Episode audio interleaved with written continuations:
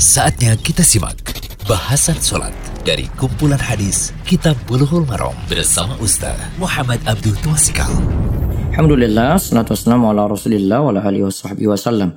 Kali ini kita berada di audio ke-93 dari pembahasan Kitab Bulughul Maram eh, karya Imam Ibnu Hajar Al-Asqalani eh, kitab solat bab sifat solat ya, bab tentang tata cara solat kali ini kita masuk ke pembahasan dua iftitah Salah satu doa iftitah berikut ini dibaca oleh Nabi Shallallahu Alaihi Wasallam pada malam hari menurut sebagian ulama atau menurut tafsiran para ulama. Hadisnya hadis ke-270 dari Ali bin Abi Thalib yang kita bahas. Wan Aliin ibni Abi Thalib radhiyallahu anhu an Rasulillah sallallahu alaihi wasallam annahu kana idza qama ila salati qal wajjahtu wajhiya lilladhi fatara as-samawati ila qawlihi minal muslimin Allahumma antal maliku la ilaha illa anta anta rabbi wa ana abduk. Ila akhirih rawahu muslimun. Wa fi riwayatin lahu anna dzalika fi salatil laili dari Ali bin Abi Thalib radhiyallahu anhu Rasulullah sallallahu alaihi wasallam menjalankan salat yaitu menjalankan salat di sini tidak disebut spesifik salat malam ya. Rasulullah SAW menjalankan salat Idza qama ila shalah ketika beliau itu melaksanakan salat beliau membaca yaitu yang artinya aku hadapkan wajahku kepada Allah yang telah menciptakan langit dan bumi hingga kalimat dan aku termasuk orang-orang muslim. Di sini Imam Ibnu Hajar memotong hadisnya kemudian menyebutkan sampai akhir. Ila akhiri sampai akhir. Jadi masih ada lanjutannya lagi. Ruang Muslim di sini diriwayatkan oleh Imam Muslim. Lalu dalam suatu riwayat Muslim yang lain diberikan tambahan anna dzalika fi salatil lail bacaan tersebut dalam sholat malam. Lengkapnya bacaan tadi itu adalah wajah tu wajhiya lilladzi fatara samawati wal arda hanifa wa ma ana minal musyrikin.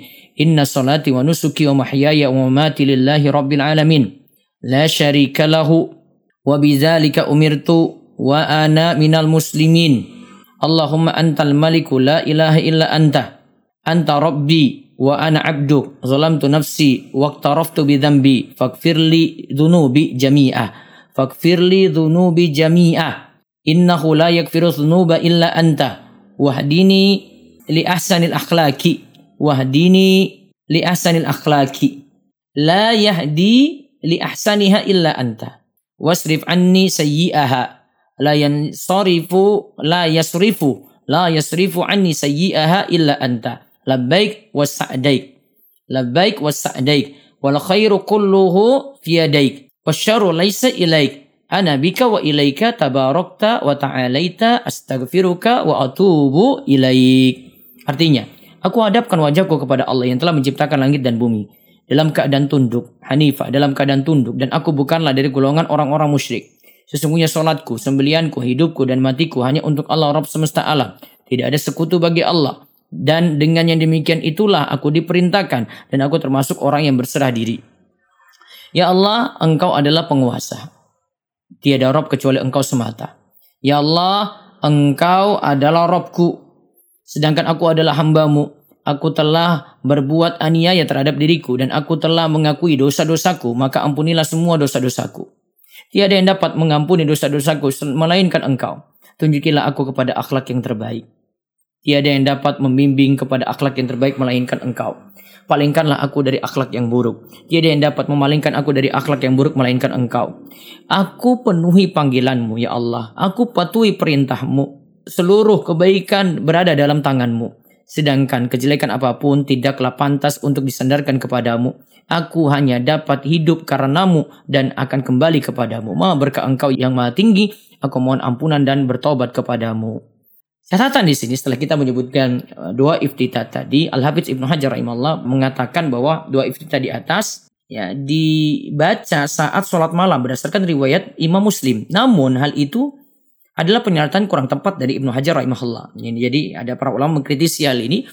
Hadis Muslim tidaklah menunjukkan bacaan tersebut dibaca saat sholat malam. Padahal ada dua bentuk riwayat mengenai hadis ini. Hadis ini memang dikeluarkan dalam hadis sholat malam. Memang dikeluarkan dalam hadis sholat malam. Namun hal itu bukan berarti Nabi Shallallahu Alaihi Wasallam membacanya pada sholat tahajud. Nah, di sini yang perlu diberi catatan, namun tidak disebutkan tegas sebagaimana di dalam hadis. Ya, yang menilai doa iftitah ini dibaca pada sholat malam adalah Ibnu Qayyim, juga Ibnu Daqiq al Hal ini disebabkan karena doa iftitah ini amatlah panjang.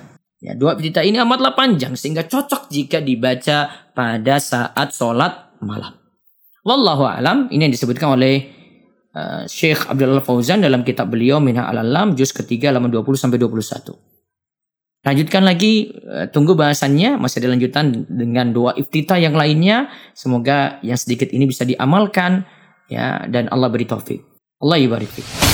Demikian bahasan sholat dari kumpulan hadis Kitab Bulughul Maram bersama Ustaz Muhammad Abdul Tuasikal.